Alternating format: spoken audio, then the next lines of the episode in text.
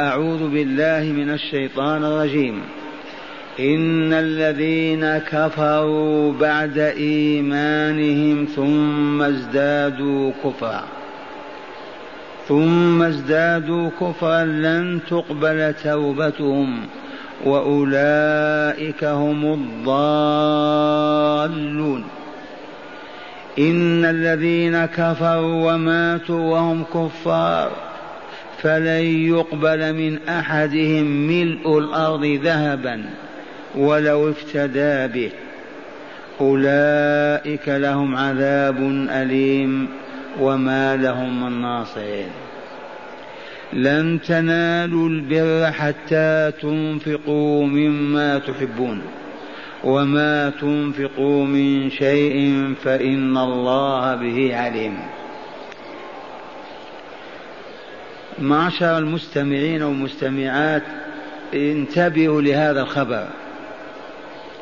يقول الله العليم الحكيم إن الذين كفروا بعد إيمانهم ثم ازدادوا كفرا لن تقبل توبتهم وأولئك هم الضالون.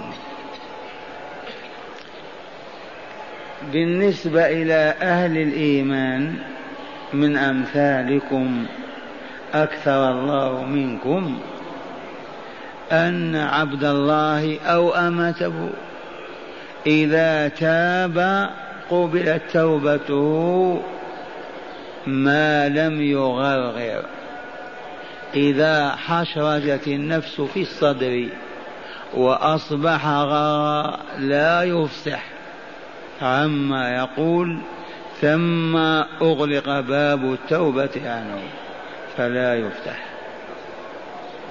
أما قبل أن يغرغر فإن توبته مقبولة ولو عصى الله في اليوم سبعين مرة.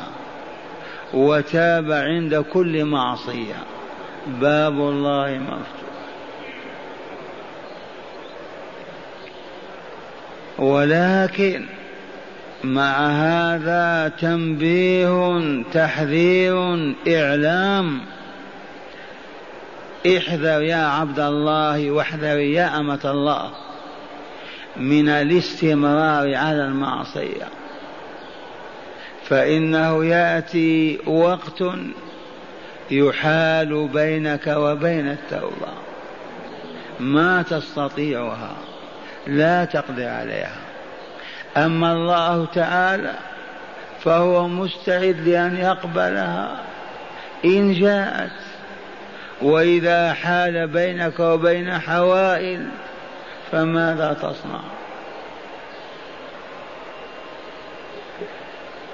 تنبيه ليحذر عبد الله أو امته من الاستمرار على المعصية. يا عبد الله يا أمة الله إذا زلت القدم وسطر عبد الله أو أمته على المعصية فليعجل التوبة وليسرع بها. خشية أن يحال بينه وبينها. واسمعوا قول الله عز وجل في هذا الشأن. جاء من سورة النساء المدنية. يا أيها الذين آمنوا إنما التوبة على الله للذين يعملون السوء بجهالة ثم يتوبون من قريب فأولئك يتوب الله عليهم وكان الله عليما حكيما وليست التوبة للذين يعملون السيئات حتى إذا حضر أحدهم الموت قال إني تبت الآن. وليست التوبة للذين يعملون السوء حتى السيئات حتى إذا حضر أحدهم الموت قال إني تبت الآن ولا الذين يموتون وهم كفار. ومن هنا بين رسول الله صلى الله عليه وسلم لأمته سبيل نجاتها فقال وقوله مستقى من كلام ربه. قال عجلوا بالتوبة ولا تؤخروها. من أذنب ذنبا فليسارع بالتوبة ولا يتماطل أو يتسوف. أسرع يا عبد الله. خشية أن يصبح العبد على حال لا يستطيع معها أن يتوب لأنها سنة الله في الناس. الذي تعود أكل الحلال تعود أن يتناول التمر عند يقظته من نومه يصبح في حال ما يستطيع أن يصبر على ذلك. تعود أن يأكل نوعا من الطعام يصبح لا يرغب إلا فيه. أمور مشاهدة. فالذي يعتاد الكذب ويستمر عليه يصعب أن يتوب منه. الذي يعتاد أية معصية ويستمر معها ولا يسارع إلى التوبه ولا يتوب منها في أغلب الأحوال أنه يموت عليها. فلهذا أجمع أهل هذه الملة على وجوب التوبة وعدم تأخيرها. اذا إنما التوبة على الله لمن؟ واجب على الله واجب تفضل به وامتن به علينا وإلا الله من يوجب عليه؟ إنما التوبة على الله للذين يعملون السوء وهو كل سيئة. من شأن أن تسوء إلى النفس البشرية فتلوثها وتدسيها. يعملون السوء بجهالة. أما عمدا وتحديا وعدم مبالاة بالله فمثل هذا لا يتوب الله عليه. يعملون السوء بجهالة. من هذه الجهالات أن يقول سأتوب إن شاء الله. أو إذا زال كذا أو إذا حصل كذا أو يقول لو كان هذا حرام لما فعله الشيخ الفلاني أو لو كان هذا مما يكره الله لما يفعله فلان وفلان. هذه أنواع الجهالات. بخلاف من يتحدى الله. أعرف ربي ما حرمت وأنا آتي. مثل هذا لا يتاب عليه. إنما التوبة على الله للذين يعملون السوء بجهالة. ومنهم من يقول هذا ليس بحرام. ما يفهم أنه حرام. هذا نوع من الجهالة. هذا بمجرد ما يقبل على الله يقبله يتوب عليه له التوبة. ثم يتوبون من قريب. لاحظ هذا القيد. إنما التوبة على الله للذين يعملون السوء اولا بجهالة وثانيا ثم يتوبون من قريب. والقرب هنا نسبيا. ما هو مسافة كيلو ولا ميل ولا عشرة. لا مسافة يوم ولا عام ولا عشرين. فمن هنا الحيطة تتطلب أنك بمجرد ما تفعل المعصية أن تقول أستغفر الله وأتوب إليه. وإليكم صورة أمام أعينكم. هناك في سوق التمارين. مؤمنة زوجها في غزوة من غزوات المؤمنين. فاضطرت إلى أن تأتي إلى السوق لتشتري تمرا لأولادها. إذ هذا غذاؤهم فوقفت على بائع التمر ونسميه بالتمار.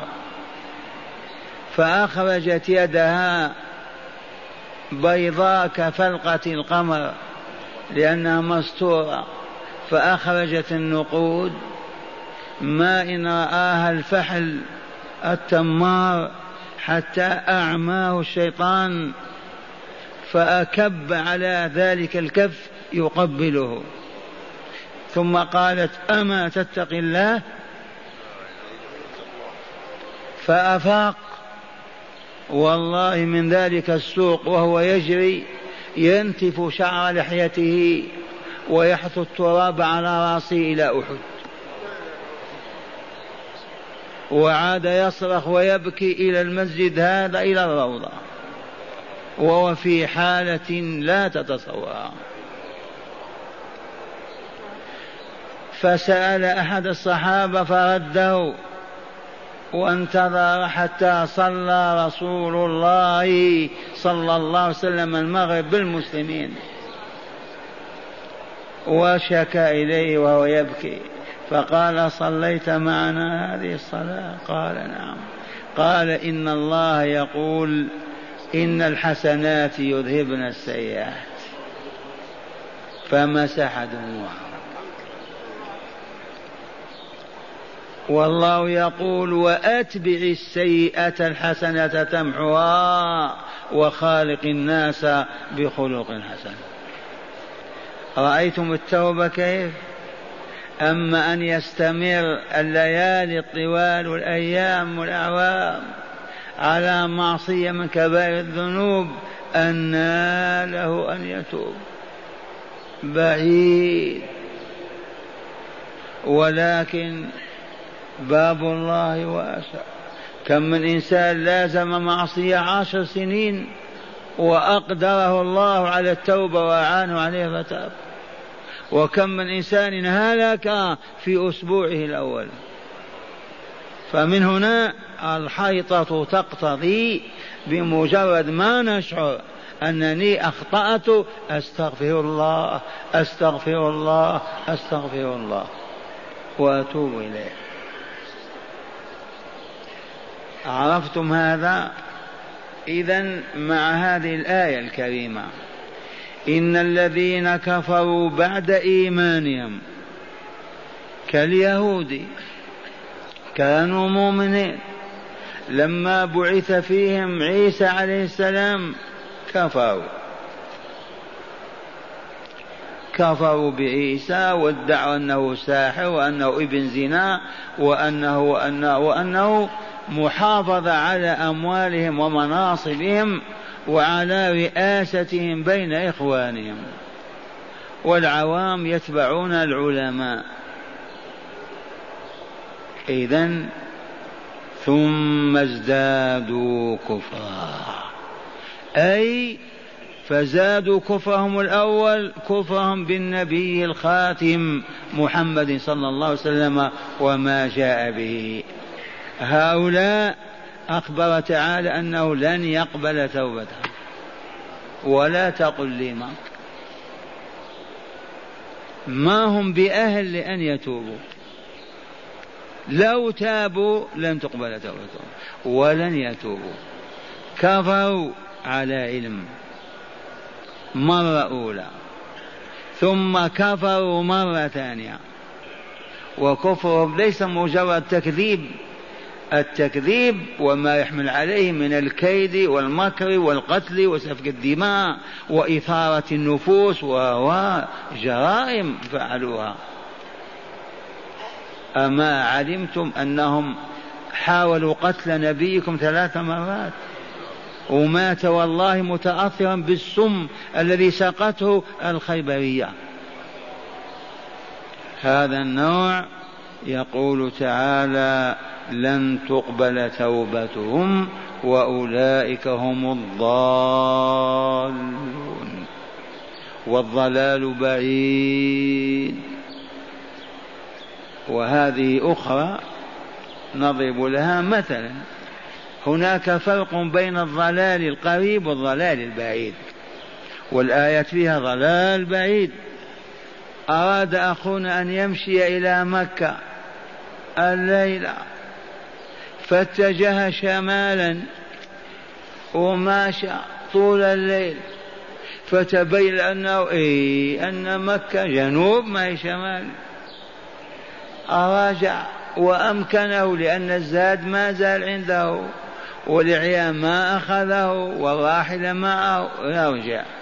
لكن إذا مشى وواصل المشي شهرا أو شهرين وصل إلى تركيا كيف يرجع؟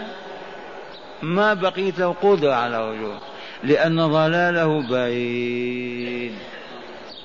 ففرق بين الضلال القريب والبعيد. فمن هنا قوله تعالى لن تقبل توبتهم وأولئك هم الضالون لأنهم توغلوا في الكفر والشر والفساد والظلم والخبث ما أصبحوا أهلا لرضا الله. ابدا. لا يقبلهم الله عز وجل. وقوله تعالى إن الذين كفروا وماتوا وهم كفار. كفروا بالله ولقائه بالله ورسوله بالله وكتابه بالله وشرائعه وماتوا على الكفر. ما أسلموا بعد ذلك ولا رجعوا. هؤلاء يقول تعالى فلن يقبل من أحدهم ملء الأرض ذهبا ولو افتدى به. هذا يوم القيامة في عرصاتها. في ساحة فصل القضاء. وهل هناك مال يومئذ؟ لا. هذا من باب التقريب للأذان. توبتهم لا تقبل. الفداء لا يقبل. لو أراد أن يفتدي أحدهم وكان يملك ملء الأرض ذهبا وقدمه والله ما قبل منه. إذ انتهى العمل الدار دار جزاء. إما نعيم مقيم أو عذاب أليم. فانظر ماذا. إن الذين كفروا من العرب والعجم من اليهود من النصارى من أي جنس وماتوا وهم كفار. ماتوا على الكفر. هؤلاء فلن يقبل من أحدهم ملء الأرض ذهبا ولو افتدى به. لو قال ربي هذه الأموال كلها وأنقذني من دخول النار. إذ يوم القيامة لا دينار ولا درهم بل ولا نسب ولا حسب فلا أنساب بينهم يومئذ ولا يتساءلون. وكل ما في الأمر هل النفس زكية طاهرة أو خبيثة منتنة؟ قد أفلح من زكاها.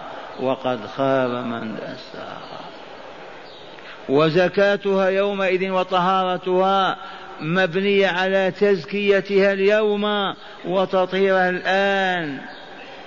وذلك بالإيمان وصالح الأعمال وبإبعاد عن الشرك والعصيان. ثم قال تعالى أولئك لهم عذاب أليم. موجع. ما هذا العذاب الأليم؟ اذكر يوم يدعون إلى نار جهنم. دعا. هذه النار التي كنتم بها تكذبون. اصلوها. فاصبروا. أو لا تصبروا. سواء عليكم. إنما تجزون ما كنتم تعملون. تدري إن شجرة الزقوم طعام الأثيم أه؟ طعام من؟ الضيف المريض. طعام الأثيم. من هذا الأثيم؟ أبيض أو أسود؟ عربي أم عجمي؟ الأثيم المتوغل في الآثام. من الشرك والكفر إلى الظلم والشر والفساد. خبثت نفسه. هذا هو طعامه طعام الأثيم كالمهل يغلي في الحميم يغلي في البطون كغلي الحميم. هذا الزقوم هذا لما يأكلوه يغلي في بطنه كما تسمع الغليان في القدر. كغلي الحميم. لا كالماء الحار لما يغلو. خذوه إلى أين؟ فاعتلوه إلى أين؟ إلى سواء الجحيم. ثم صبوا فوق رأسه من عذاب الحميم. هذا عذاب جسماني. قد يطاق ويتحمل ووراء عذاب نفسي لا يطاق. وهو قوله تعالى ذق إنك أنت العزيز الكريم. ذق إنك أنت العزيز في الدنيا الغالب المعتز بوجودك وبلادك وكرمك. هذا عذاب الروح أشد من عذاب البدن. وإلى الآن الأحرار كلمة في أعراضهم تقتلهم أكثر من ضربة بالسيف. تريدون ألوان من هذا العذاب؟ هذان خصمان اختصموا في ربهم موحد ومشرك. فالذين كفروا قطعت لهم ثياب من نار. ثياب من نار.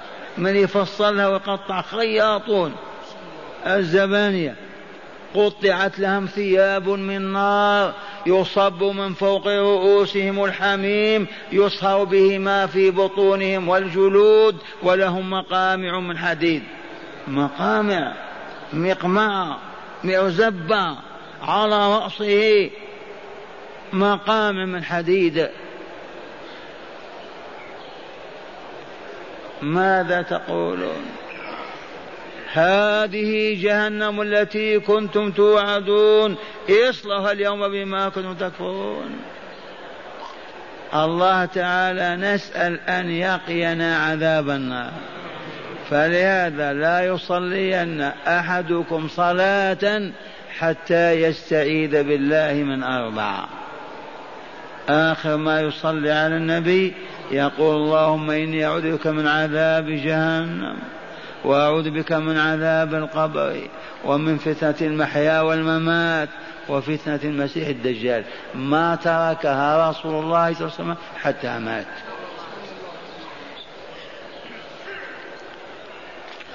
وما لهم من ناصرين يوجد من ينصرهم بتأخير العذاب أو بتفتير على أوقات معينة. والله أبدا. انطوت الحياة كلها وما بقي إلا عالمان أعلى وأسفل عليون وسجين. ما في حياة أخرى. أهل النار وسجين فيها. إن كانوا من أهل التوحيد فإنهم يصهرون فيها ويلبثون فيها أحقابا ويحترقون حتى يصبحوا كالحمم.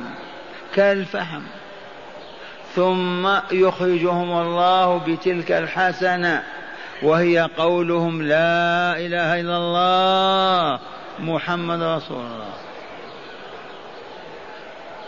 ويقدمون أو يساقون إلى نهر يسمى نهر الحيوان مبالغة في الحياة فيغسلون فيه فينبتون. كما ينبت البقل. ثم يدخلون دار السلام. هذا إن كانوا موحدين لم يشركوا بالله شيئا. لكن ذنوبهم سفكوا الدماء أكلوا أموال الناس فجروا كذا وماتوا بدون ما توبة. والله يقول إن الله لا يظلم مثقال ذرة. وإن تك حسنة يضاعفها ويؤتي من لدنه أجرا عظيما. هذه حسنة التوحيد. يا من قلوبهم مع الله أبشروا حتى لو عذبتم ما شاء الله في عالم الشقاء تعودون إن شاء الله إلى دار السلام. نسأل الله ألا ندخل النار وألا نعذب لا ساعة فيها ولا يوما نريد أن ندخل مع السابقين. والسابقون السابقون أولئك المقربون في جنات النعيم ثل من الأولين وقليل من الآخرين. اللهم اجعلنا من هذا القليل. والآن إلى هذه الآية. لن تنالوا البر يا معشر المؤمنين والمؤمنات حتى تنفقوا مما تحبون. وما تنفقوا من شيء فإن الله به عليم وسيجزيكم عليه. قل الجزاء أو كثر بحسب العمل. هذه الآية معشر المؤمنين والمؤمنات نزلت فينا لا في اليهود ولا في النصارى. لأننا تواقون إلى البر. سباقون. كل يرغب أن يكون من الأبرار. تدرون ما الأبرار؟ جمع بار وهو المطيع الصادق في طاعته لله ورسوله. قال تعالى إن الأبرار لفي نعيم. وإن الفجار لفي جحيم يصلونها متى؟ يوم الدين وما هم عنها بغائبين. يا من صاموا وصلوا يا من قاموا الليل يا من بذلوا أنفسهم يا من يسارعون في الخيرات ويسابقون يا عمر يا فلان تعالوا. إلى هذا الإرشاد الإلهي وهو اعلموا أنكم لن تنالوا البر وجزاءه وهي الجنة. دار النعيم. لن تنالوا وصف الأبرار على الحقيقة حتى تنفقوا في سبيل الله مما تحبون. أما الذي ما ينفق أو ينفق مما يكره لا مما يحب لن يصل إلى هذا المستوى. لأن لفظ البر كلمة جامعة للخير كله. والمراد بها هنا الجنة إذ هي جزاء الأبرار. لن تنالوها حتى تنفقوا مما تحب. الحمد لله ما قال حتى تنفقوا ما تحبون وإلا خرجنا الليلة من بيوتنا. ما ندي منصور عندك سيارة؟ ها؟ إذا عندك ماركس ولا باركس ولا عندك أخرى تويوتا أعطي الأولى. أما تنفق هذه المبهللة القديمة لا. حتى تنفقوا مما تحبون. وشرأبت أعناق المؤمنين. هذا عمر قال يا رب أنا ما عندي إلا الجارية الفلانية. أحب ما أحب من الجواري هي. هي لك يا رب فاعتقها ولده عبد الله. ماذا عندي؟ عندي نافع. مولاي هو لك يا ربي. فاعتق نافعا.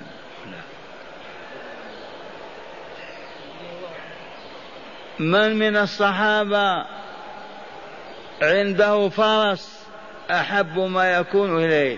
قال فرسي لك يا ربي. هذا الذي يحب وجاء من ذاكم الصحابي الجليل صاحب حديقة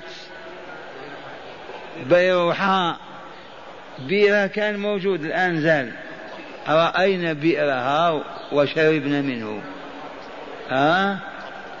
طلحة يا رسول الله لقد نزل عليك قول الله تعالى لن تنالوا البر حتى تنفقوا مما تحبون وإن أحب أموال إلي بيرها حائط بيرها عنده بساتين أخرى لكن هذه ذات أشجار وظلال ونخيل وما عذب.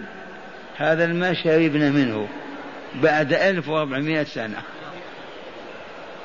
بيرها باقية موجودة. هي لك ضعها يا رسول الله حيث أراك الله. فقال له الرسول بخ بخ ربح البيع. بخ بخ بيع رابح. المهم قال اجعلها في أقاربك. فوزعها بين أقاربه. عرفتم؟ لو يقوم إمام المسلمين الآن ويقول نريد أن نغزو. أنفقوا مما تحبون. هنا الذي قدم سيارة ممتازة هذا هو. والذي يقدم سيارة مهلهلة ما ينفع. أقول الحمد لله ما قال أنفقوا ما تحبون. من يطيق؟ قال مما تحبون. إذا عندك قطع من الذهب أنفق منها قطعة عندك من الفضة قطع أنفق قطعة عندك ماذا؟ من البساتين أحب إليك البستان الفلاني أخرجه. تصدق به. وهكذا.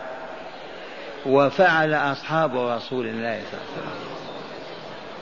وما زال المؤمنون يفعلون. لن تنالوا البر حتى تنفقوا مما تحبون وما تنفقوا من شيء قل أو كثر. فإن الله به عليم. ومعنى هذا لازمه أنه يجزيكم عليه ويعطيكم ثوابه. والحسنه بعشر أمثالها. وتختلف ريال الذي راتب ألف ريال يعدل مئة ريال لراتبه عشر آلاف ريال. تختلف الحسنة بأصحابها. إن كانوا أغنياء فدرهمهم ليس كدرهم الفقير الذي لا يملك. ومعنى هذا أن باب الله مفتوح. يا من يريدون أن يدخلوا الجنة فإنها مفتحة الأبواب.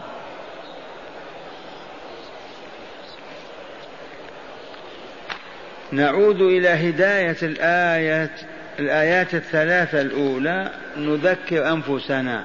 أولا نسمعكم الآيات. إن الذين كفروا بعد إيمانهم ثم ازدادوا كفرا.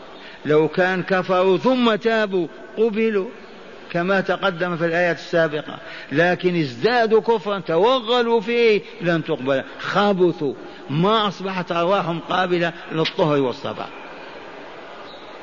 وأولئك هم الضالون وعرفتم الضال البعيد الضلال ما يرجع. إن الذين كفروا وماتوا وهم كفار. ما تابوا قبل أن يموتوا فهؤلاء الجزاء كما علمتم فلن يقبل من أحدهم فداء ملء الأرض ذهبا. لو افتدى به. مع أن هذا لا وجود له. من باب الفرض والتقدير فقط. وأولئك لهم عذاب أليم وما لهم من ناصرين ينصرونهم. لا بتخفيف العذاب ولا بتأخيره ولا ولا. هذه هاتان الآيتان هدايتهما. أولا سنة الله في من توغل في الكفر أو توغل في الظلم أو توغل في الفسق وبلغ حدا بعيدا أنه لا يتوب. فلهذا عجل بالتوبة. لا تؤخرها أبدا. لا تقل حتى أتزوج حتى تعود أمي. حتى أبني المنزل حتى أوظف. انتبه هذه الكلمات يمليها الشيطان. فقد شعرت بأنك أذنبت أستغفر الله وأتوب إليه أستغفر الله وأتوب إليه. خشية أن يحال بينك وبين التوبة. سنة الله في من توغل في الكفر أو الظلم أو الفسق وبلغ حدا بعيدا أنه لا يتوب. ثانيا اليأس من نجاة من مات كافرا يوم القيامة. أيئس إن مات أبوك أو أخوك أو زوجتك أو أمك والعياذ بالله على الكفر. لا نجاة أبدا. ما فيها رجاء أبدا. آيس إذا مات من مات على الكفر آيس المؤمنون من أن يدخلوا الجنة أبدا. من أين لنا هذا؟ أما قال تعالى إن الذين كفروا وماتوا وهم كفار فلن يقبل من أحدهم الأرض ذهبا. هذا تيئيس وإلا لا؟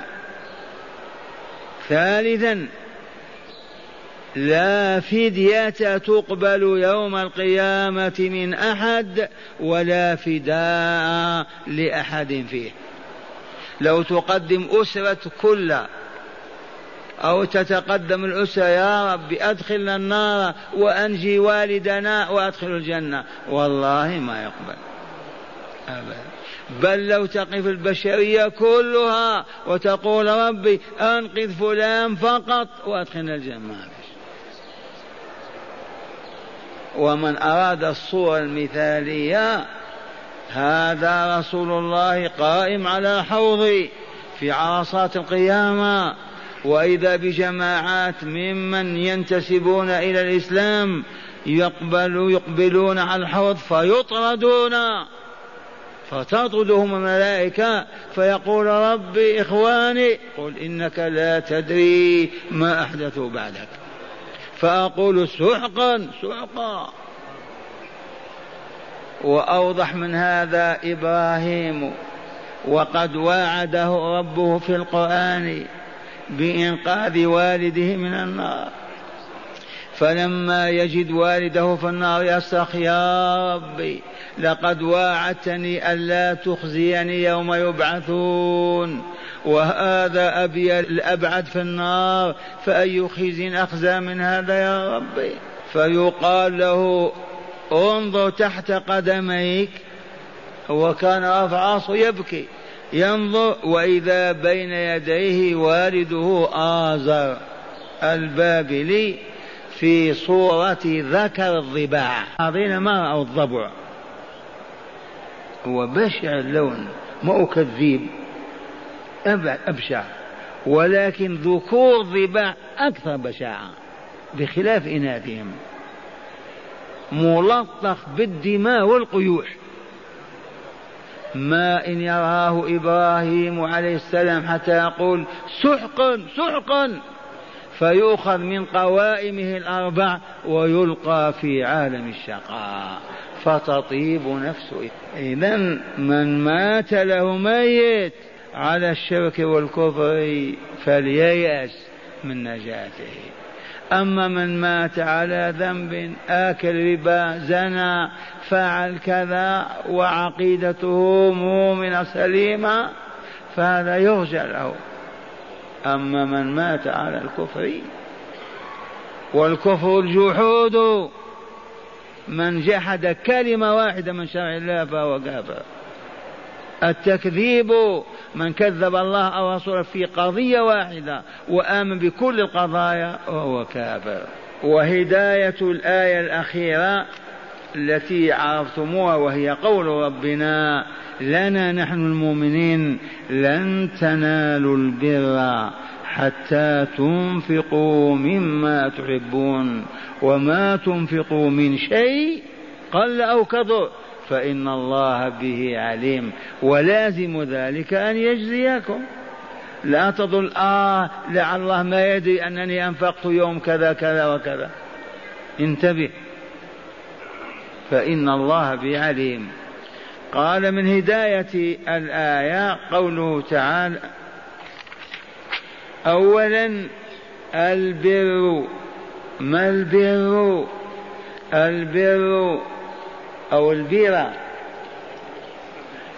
إياك أن تفهم البيرة. تعرفون عن البيرة وإلا لا؟ خمر عالمية. و المرضى بالجهل مساكين صاروا يوردونها إلى المدينة.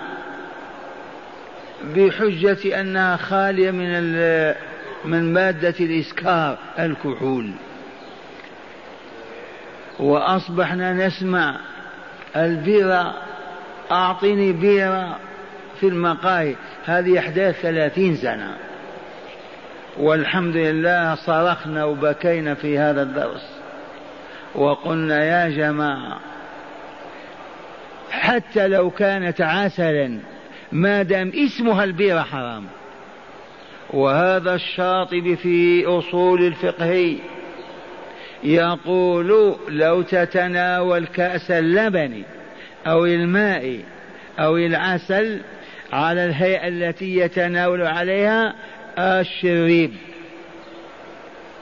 الذي اعتاد يشرب الخمر فتأخذ الكأس على الطريقة التي يأخذ انقلب والله لبنك إلى خمر وإنك آثم تبهتم الذي يمسك القلم ليكتب به على هيئة الحشاشين. أصحاب الدخان لهم هيئة ولا لا؟